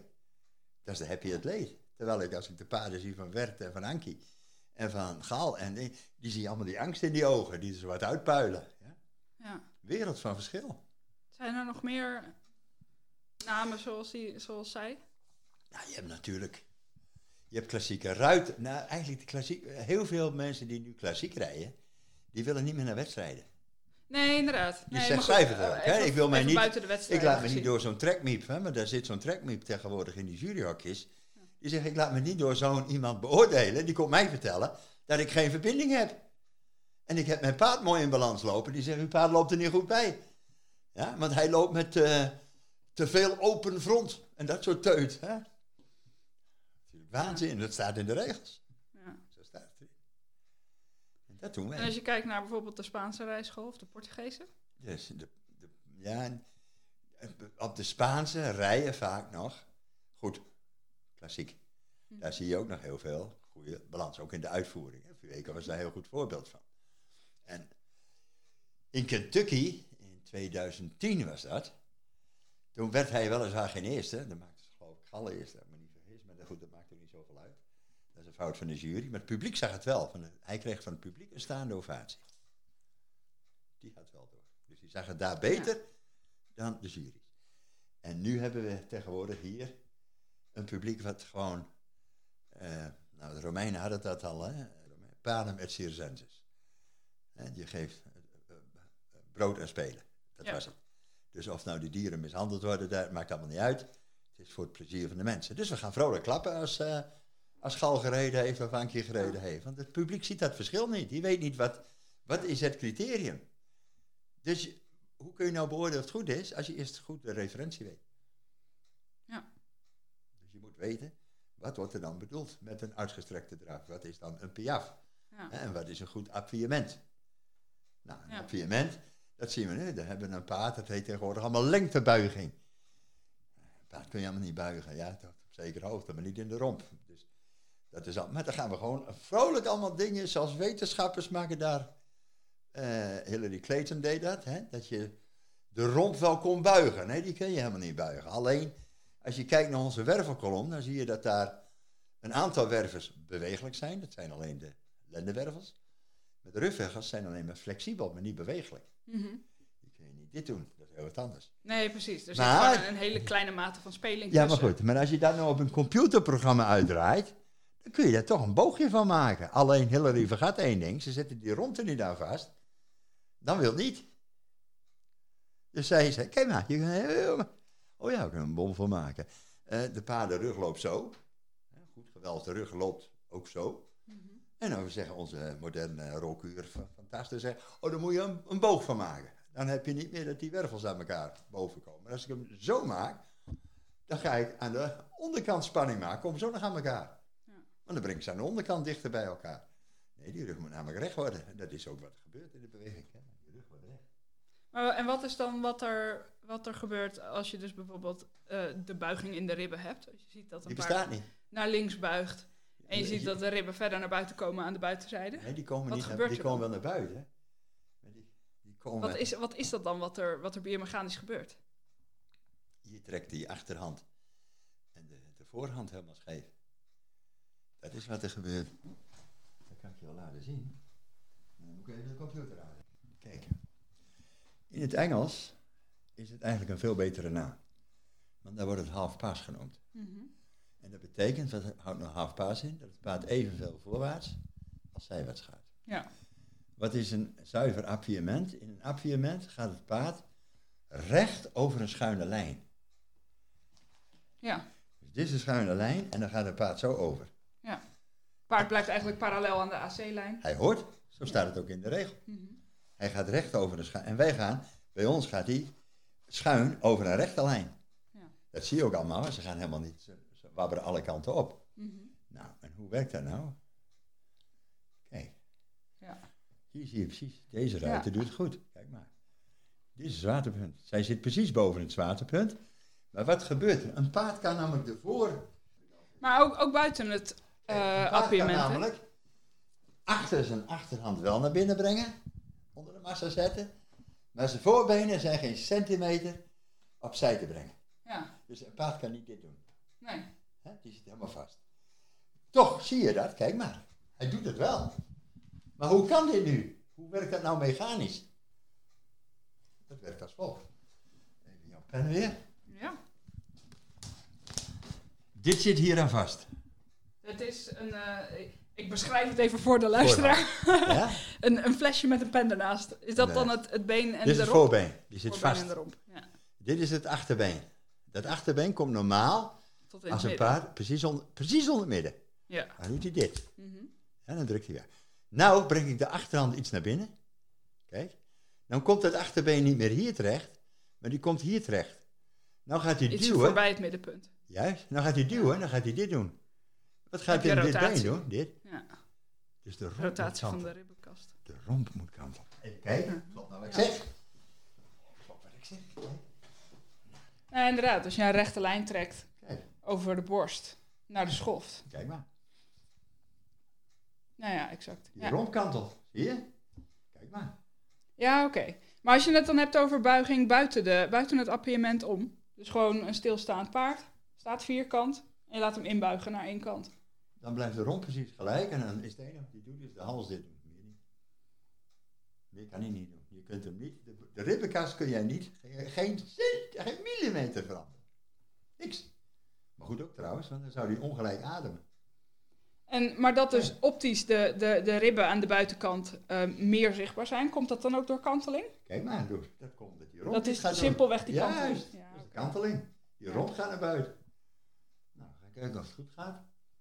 Kijk, wat ook altijd gebeurt in een goede, gaat het paard recht over een schuine lijn, waarbij er altijd drie benen zuiver in elkaars verlengde moeten staan. Dat is eerst twee achterbenen en een voorbeen. En bij de volgende pas twee voorbenen en een achterbeen. in het. En Ja. hier zie je die ribbenkaas. Kijk maar, die gaan naar buiten. Ja. Zie je? Ja, Het. Dit zijn de goede appiëmenten. Daar zie je ook een goede. Kijk maar. Recht over de schuine lijn, drie benen in elkaars verlengde. En hij doet het nog veel beter. Want waarom doet hij het beter dan zij? Kijk maar wat hij doet. Hij kijkt recht naar voren. Ja, Want oké. als je ja, goed recht naar voren kijkt, dan kun je precies goed zien ook of het paard grappig dus. over een schuine Ook- lijn gaat. Ook om, om dit, eh, dat ik ook opmerk dat het, het is zo makkelijk inderdaad om, om meteen te kijken naar wat doet het paard. Juist. Terwijl je net zoveel zou moeten kijken naar wat doet de ruiter. Ruiter. Nou, Waar is die het focus en die intentie en die het zit. Kijk maar. en gewicht. Zij kijkt even naar beneden, maar hij kijkt. Hij moet namelijk recht Recht kijken, want hij gaat Ja, recht over een schuine lijn. Dus hoor je hij zo te kijken. ja, Zijn paard kijkt naar de richting waar hij gaat, meer niet. Meer moet hij ook niet Ja. doen. En niet helemaal dit. Flauwekul. Nou, gaan we kijken naar de andere. Kijk maar. Die krijgt daar tien voor. Moet je kijken, hij zet de achterbeen voorbij het voorbeen. Hij ook. Dus de achterhand is gewoon nog binnen de lijn van de voorhand. Staan hier drie benen in elkaars verlengde. Nee, dit is helemaal niks met een appiëment te maken. En die ook niet. Alleen doen we tegenwoordig ook in een rare zweefdraf, zoals dat heet. Het, het lijkt eh, eh, hoger, hoger beoordeeld te worden als je hem, eh, als je hem schuiner kan doen, zeg maar, Ja, of zo. Dit paard, loopt- dit paard Hoe minder ruimte je nodig hebt om weer op de hoefslag uit te komen, gaan- ja, hoe beter het is. Je ziet ook er- helemaal dat die paarden helemaal scheef lopen. En helemaal niet parallel aan de hoefslag, want dat horen ze te lopen. Het paard gaat recht over een schuine lijn.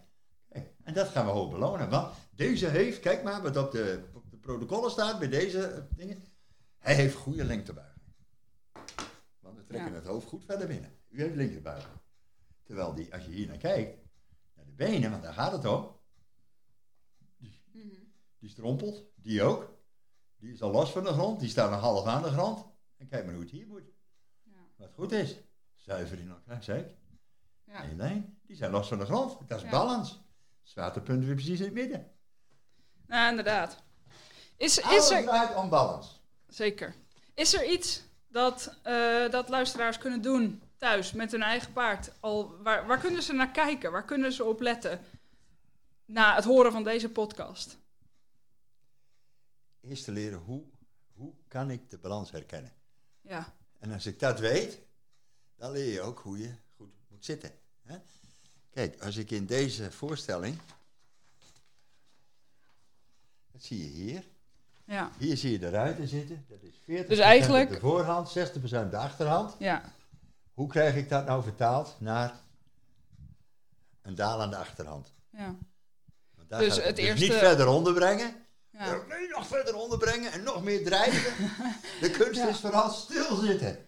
Er wordt heel veel gedacht dat als je een paard maar genoeg, eh, genoeg voorwaarts krijgt en genoeg die drijft, dat dan, flauwekul voorwaarts. Hè? ja, dat dan Dus- vanzelf die achterhand er wel onder komt. Nee, dat is. kijk, wat hebben wij met, met, met, met die, dat Ja. voor, idiote voorwaarts? Je ziet ook jonge paarden, die worden als een idioot rondgejakkerd. Ja, Als ik voor het eerst ga lopen met 25 kilo op mijn rug, dan ga ik langzamer lopen. ja. Waarom? ja, om je balans te kunnen bewaren. Ja. Nee, maar ik, ik, ga mijn, Maar- ik, heb mijn, ik moet de gewichten verder buigen. Ja. En als ik die verder moet gaan buigen, kost dat meer tijd. Dus ik ga langzamer lopen. Voor een paard is dat precies hetzelfde. Als jij daar als ruiter op gaat zitten, moet hij meer gewicht verplaatsen. Ja. En moet je hem juist langzamer leren lopen in plaats van zo hard. ja. Want dan kan hij de, de gewicht helemaal niet meer buigen. Dat doet hij ook. En, en om daar aan te ontkomen, gaat hij ook heel, nog veel vlugger doen. Want hij krijgt steeds meer belasting op zijn voorhand. Dus hij probeert steeds vlugger dat te ontlasten. Ja. Dan worden ze paniekerig en uiteindelijk wordt hij nerveus. En dan begint hij te verzetten. Ja. Nerveus is altijd verzet. Angst. Mhm. En met angst krijg je verzet. ja. Zeker als hij vast zit. En als je hem Nou, loslaat, dan vlucht hij. Dan gaat hij weg. ja, absoluut. Om nog even terug te komen op dat eh, eigenlijk fokken naar, naar functie.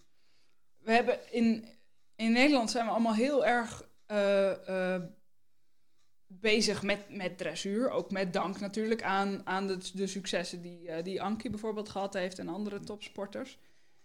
Ehm, denk je dat er meer aandacht zou moeten komen voor heel andere takken van de sport, zoals working equitation, ehm, endurance, dingen waarbij andere rassen hun, hun eigen kwaliteiten kunnen tonen? Dus dat je meer naar, naar functie een, een sport uitkiest als je dan de sport in wil. Aan de ene kant wel, aan de andere kant niet. Waarom aan de ene kant wel? Aan de ene kant, of ik nou endurance rijd, eventing, dressuur of springen. De dressuur is eigenlijk ook bij het springen gelijk. Zeker, ja. Kijk wat Albert Voorn zegt. Ja. Ik doe verschillende clinics Dat, dat, er dressuur, ja, dat er dressuur Ja. nodig is voor iedere tak van, en voor ieder paard, En- dat staat vast, uiteraard. Dus die is gelijk. Ja, Daar zit geen verschil in. ja. Je hoort het paard op dezelfde manier. Hè? Dressuur. Maar als je, dus, als je dus rastypische eigenschappen wil behouden eh, en dus naar functie wil fokken, dan, dan zou je kunnen stellen dat je daar ook een, passen, een passende sport of een passende activiteit eh dat kan. mee zou moeten uitoefenen. tot op, kijk, wat, wat had men vroeger, bijvoorbeeld bij de NWP, Noord-Nederlandse Warmbloed Paardenstamboek, had men nog de hoogste graad die je kon bereiken, was het model. Dus een modelmerrie, dat was de hoogste. Maar dat was skelet. Ja. Dat was model. Ja. Het goede skelet. Ja, We hebben het model allemaal weggehaald. We praten allemaal tegenwoordig over type. ja, Model, daar hoor je niemand meer over spreken. Maar model is het skelet. Dat is het skelet. Dat is dit. Dat is de goede staal. Dat is een model. ja, En type is heel wat anders. Type kan zwaar zijn, licht zijn, robuust, kijk. Ja, elegant, ja, fors, eh, vrouwelijk, mannelijk, noem maar op. Dat is type. Dat heeft niks met model te maken. En die halen we door elkaar. ja, precies. Dat is precies als temperament en sensibel. We hebben temperament weggehaald. Het zijn twee verschillende dingen. Ja, Heel verschillend. ja, Wat is temperament? Wat wij zoeken bij een paard is een koel paard die rustig staat, wat ik net vertelde van Tello, roerloos, alles opneemt. En op het moment dat hij actie moet geven, alle actie geeft.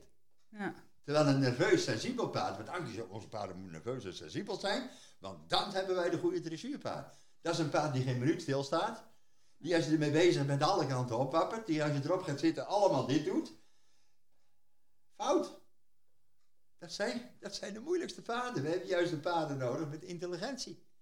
Die rustig, ap- hè, waar je mee kunt communiceren. Met nerveus paard communiceer jij niet. Die leer je trucjes, waarschijnlijk nog, maar meer ook niet. Maar je kunt er niet mee communiceren. Voor communiceren heb je intelligentie. Oh, wacht even, intelligentie. De hele natuur bestaat uit intelligentie. absoluut. Oh ja? Dat is zo. Nou, kijk geef een voorbeeld. Ja, Als wij hier een kudde merries hebben, een kudde paarden. En de merrie, de alfa merrie, die moet naar de overkant, want aan deze kant hebben we geen gras meer. Hoe gaat zij dan naar die overkant met die kudde, waarin veulentjes lopen, eenjarige, tweejarige? Steekt zij zomaar over, oh, hier gaan we over, ik vind wel goed. Zo werkt het helemaal niet. Wat zij gaat doen, zij zoekt eerst de plek op met de minste stroming. Zij zoekt dan op, is het hier ook doorwaadbaar voor mijn veulens? En de derde, kan ik aan de andere kant ook omhoog? Want als dat een hele steile, heeft het oversteken Ja. helemaal geen zin. En de vierde is, zitten er ook krokodillen. ja, Want we praten over Oriëntaalse paarden. Daar is intelligentie voor nodig. ja, Selecteer de natuur ook op intelligentie. Jazeker. natuurlijk. Ja. Voorbeeld? Als de Het, is niet cheetah... al, het, is, het is niet alleen de sterkste die overleeft, het is ook de slimste die Dat overleeft. is de fout. Wij maken die fout. Wij maken van survival of the fittest Ja, vaak het overleven van de sterkste. ja, Het is de overleving van de best aangepaste, waar ook intelligentie. ja, Maar intelligentie is namelijk bepalend. En waarom is intelligentie bepalend? Om de volgende reden. Als een cheetah een kudde antilopen besluit, dan gaat zij soms zitten. Als ze vlakbij is. Waarom doet zij dat? om geen gevaar te, te, te doen alsof ze geen gevaar is voor de kudde. Niet? Op het moment dat ze haar zien, dat zie je dan ook, dan worden die antilopen heel nerveus. Ja, Kijk maar, die beginnen te dribbelen. Heel erg dit. ja, En alle energie, daar heb je heel veel energie voor nodig. En alle energie die ze daar gebruiken, ja die kunnen ze niet gebruiken om te rennen. dat is één. ja, ja, ja, ja. Maar wie kiest zij nou uit van die groep? Wat wordt haar slachtoffer? Wat wordt haar prooi van die groep? De minst slimme dan, gok ik. Dat is goed. Dat is een goed.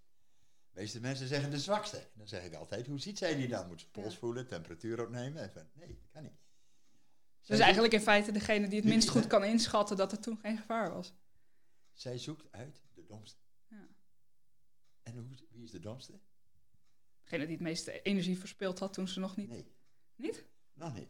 Oké. Weet je wie de domste is van het stelletje? Degene die haar het laatst opmerkt. Ja, oké. En Ja. dat zien ja, jij en ik ja. niet met de blote ogen. Maar als je het vertraagd afdraait, ga je het wel zien. Dan pas zie je wat zij ziet. Ja. Toen ik dat eenmaal zag, een keer op televisie, op, de, op al mijn programma's die ik in, in mijn reis allemaal bekeek. Toen dacht ik, hé, dat ga ik ook met de paarden doen in de beweging. Ja. En dan zie ik eerst helemaal hoe het vertraagd werkt. Dan weet ik precies wat goed is en wat niet goed. En als ik dat zie, nou zie ik het feilloos. Hè? Ik kan nou Ja. paard zien, ik kan mijn daar zien. Dan zeg ik precies of die in balans loopt of niet. Want ik zie precies hoe het moet. En dat is mijn Ja. referentie. Die doet dat ook. Dus die haalt de domste eruit. Degene die haar het laatste opmerkt. En wie zijn altijd de domste? De mannetjes. ik zat echt naar... Ik, ik wacht op een heel mooi antwoord. De mannetjes. De mannetjes. en die mannetjes, die lopen allemaal rond. Allemaal. ja. Ga maar eens naar een keuring. En dan moet je eens kijken naar merrieveuletjes en hengstveulens. Het verschil. Die merrieveuletjes blijven bijna altijd heel dicht bij de moeder.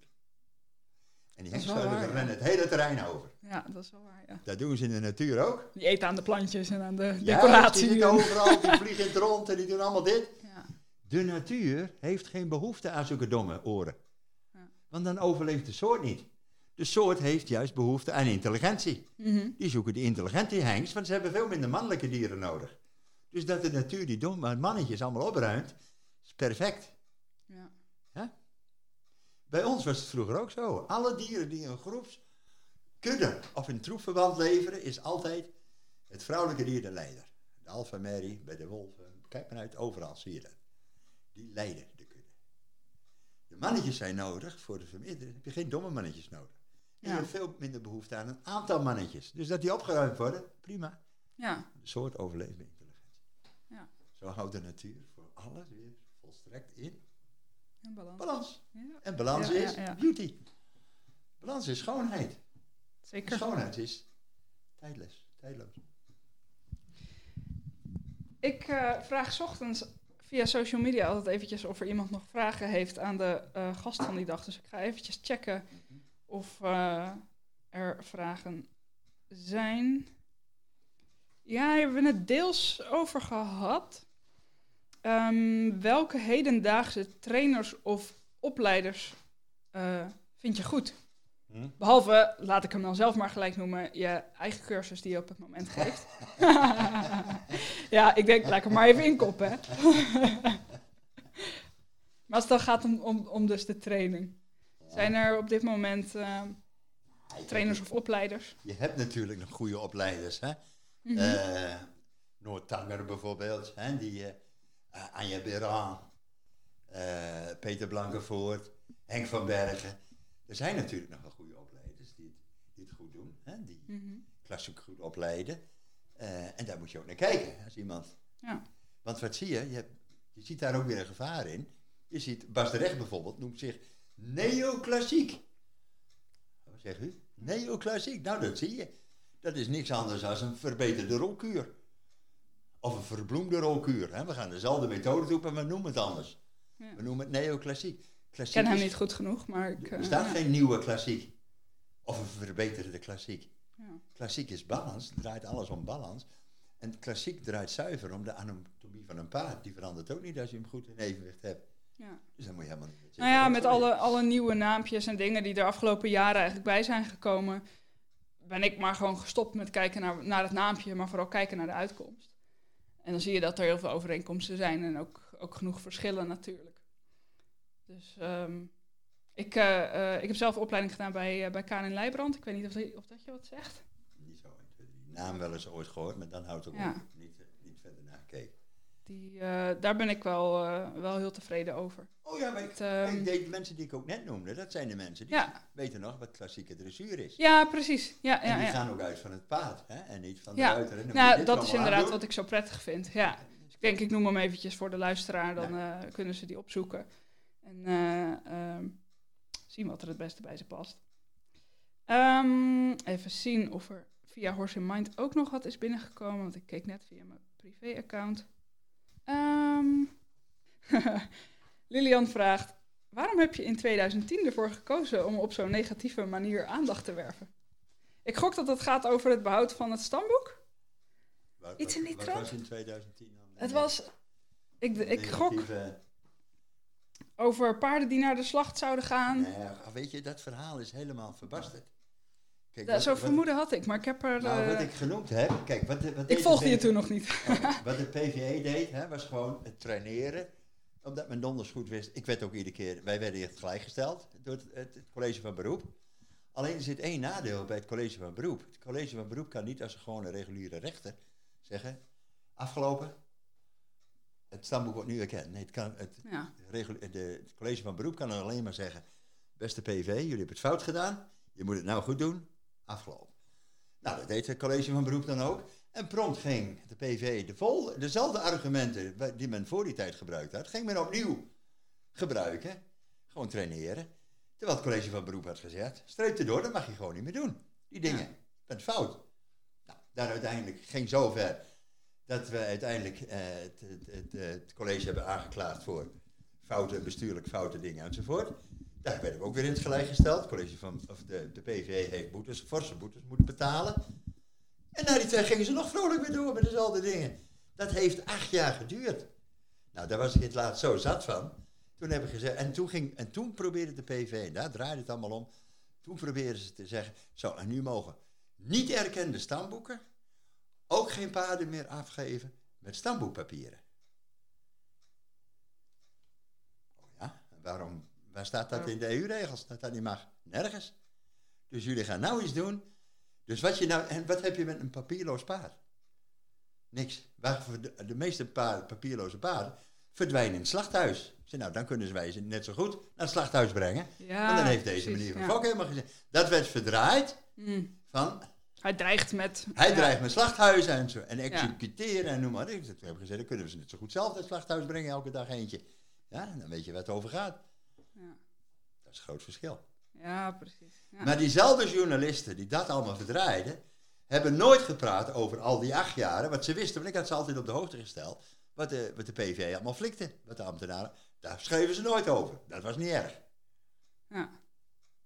ja, precies. Oké. Toch Ja? wel interessant. Dus eh, die negativiteit, die werd opzettelijk naar voren gebracht. Ja. Want dat was weer mooi voor die jongens die allemaal in de pers eh, door mij eh, af en toe geschoffeld worden, hè, en terecht, eh, over hun eigen dingen. Ze zeiden, oh, nou hebben we een punt, nou kunnen we lekker hem terugpakken.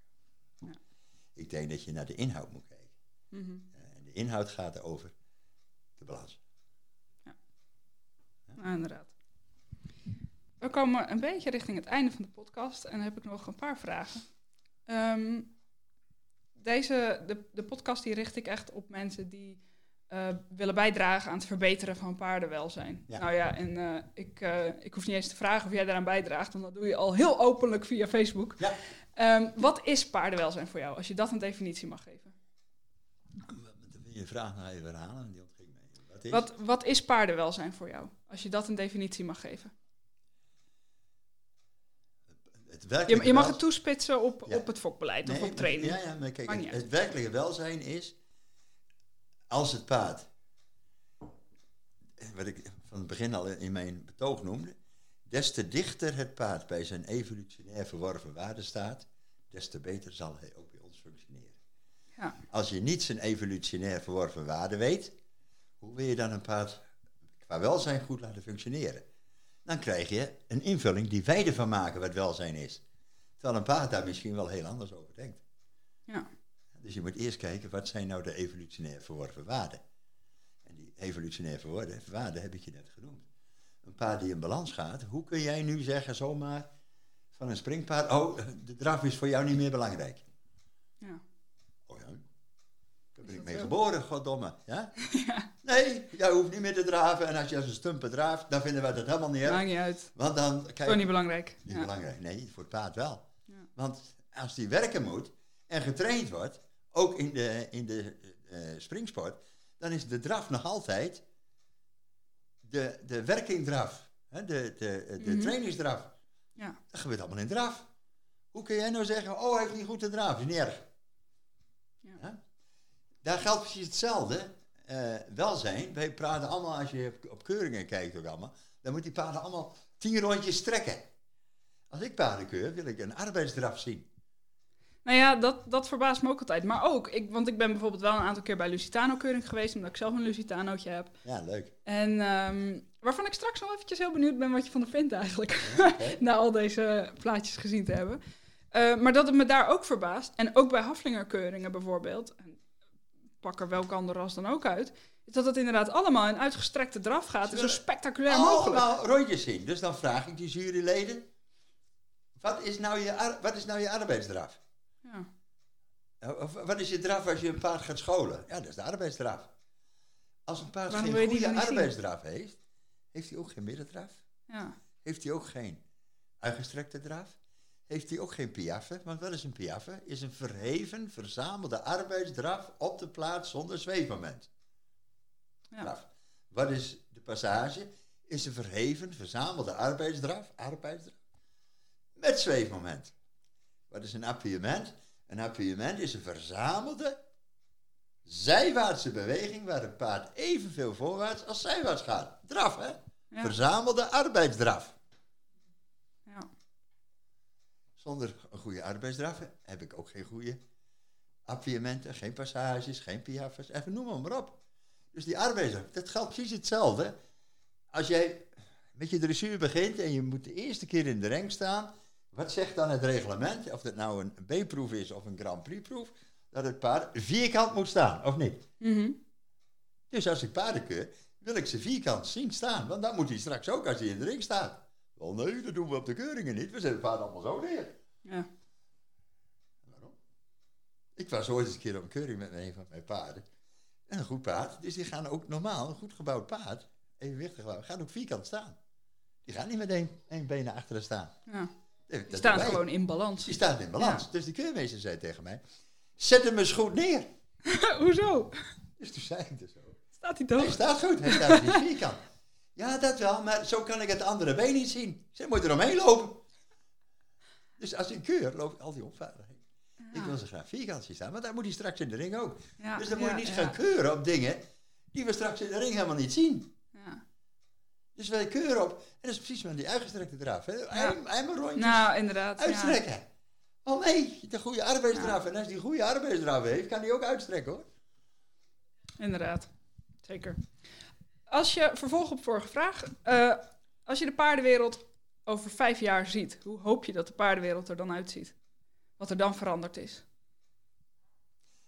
Nou, als ik kijk dat dit ongeveer tien jaar geduurd heeft, die snelheid. En nu gaat het heel snel. Hè? Je ziet mm dat een land als Zwitserland heeft die rolkuur al verboden.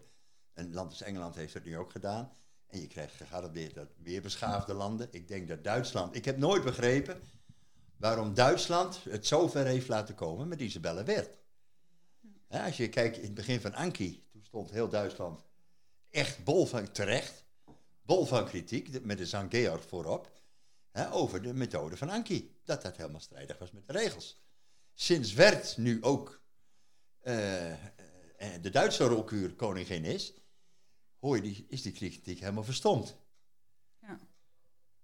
Waarom? Is, wat Werd doet beter dan wat Anke doet? Wel nee, doet precies hetzelfde en even slecht voor de paard. Want wat is nou het nadeel van heel die moderne uh, rijkunst? Is dat ze de goede paarden ook nog vernielen. Want juist die goede gebouwde paarden, die zij krijgen, want zij mm krijgen vaak de, want dat zien natuurlijk een hele hoop mensen zien of een pest of een paard goed beweegt. Ja. Die krijgen zij, maar die rijden zij net in de vernieling. Totelaar is goed voorbeeld. Hè? Die zit nou in de rolkuurstoel. Eigenlijk op de kracht van zijn leven zit hij in de Die is helemaal vernield door deze rolkuur. Nou, wat zien we ook altijd? Al die rolkuurpaarden, die zitten ook eindeloos lang in de lappenmand. Want dan hebben ze weer blessures. Ja. Hoe vaak zit, denk je, hoe vaak er op de Spaanse rijschool die paarden, of die paarden van, van uh, in Spanje eh, die op de rijschool zitten, dat die uh, zo vaak een jaar lang in de lappenmand liggen? Wel nee, daar zie je dat juist niet. Ja. Onze paarden, moderne toppaarden, springpaarden, de Franse springpaarden houden met 12 jaar bijna allemaal op. Maar zijn ze mhm. al aan, aan, het eind van hun Latijn. Terwijl Meteor destijds met Fried Liggers 500 internationale wedstrijden sprong. Drie, drie Olympische Spelen. En als 20-jarig paard stopte. En toen naar Elmshoorn ging als dressuurpaard. Niet als springpaard. maar waarom? Omdat die Frits Tiedeman een paar gouden handen had. Ja. De enige ruiter die in 1960 zowel aan de dressuur op de Olympische Spelen meedeed als aan het springen. Toch bijzonder inderdaad. Ja. Dus eh, om nog even op de vraag terug te komen. Over vijf jaar, hoe hoop je dat het eruit ziet?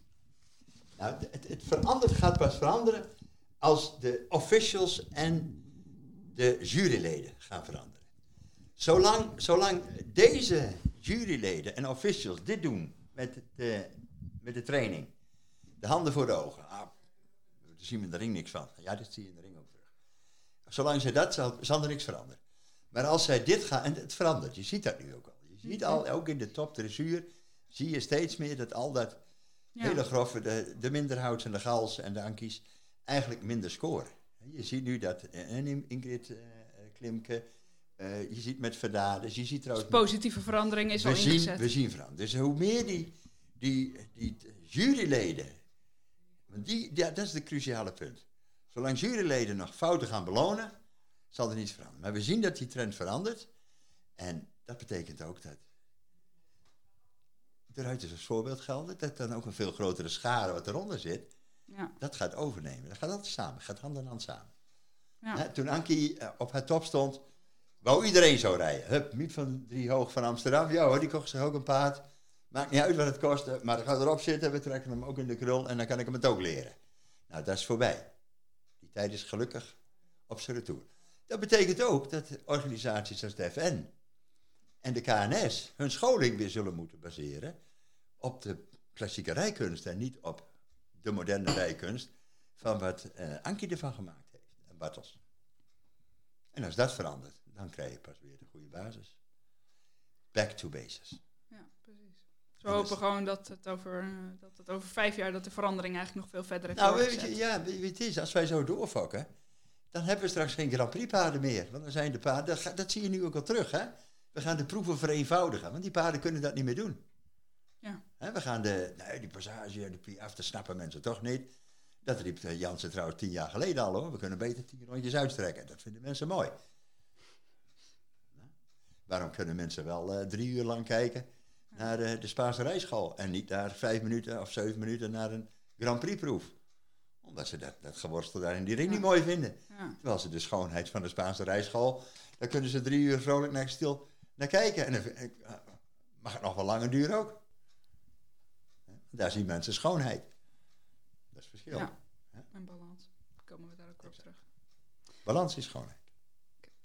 Dat eh, is een mooi om de podcast mee af te sluiten, denk ik. Dankjewel. Ik, eh ik vond het heel informatief en heel inspirerend ook om, om je eindelijk gesproken te hebben. Wederzijds.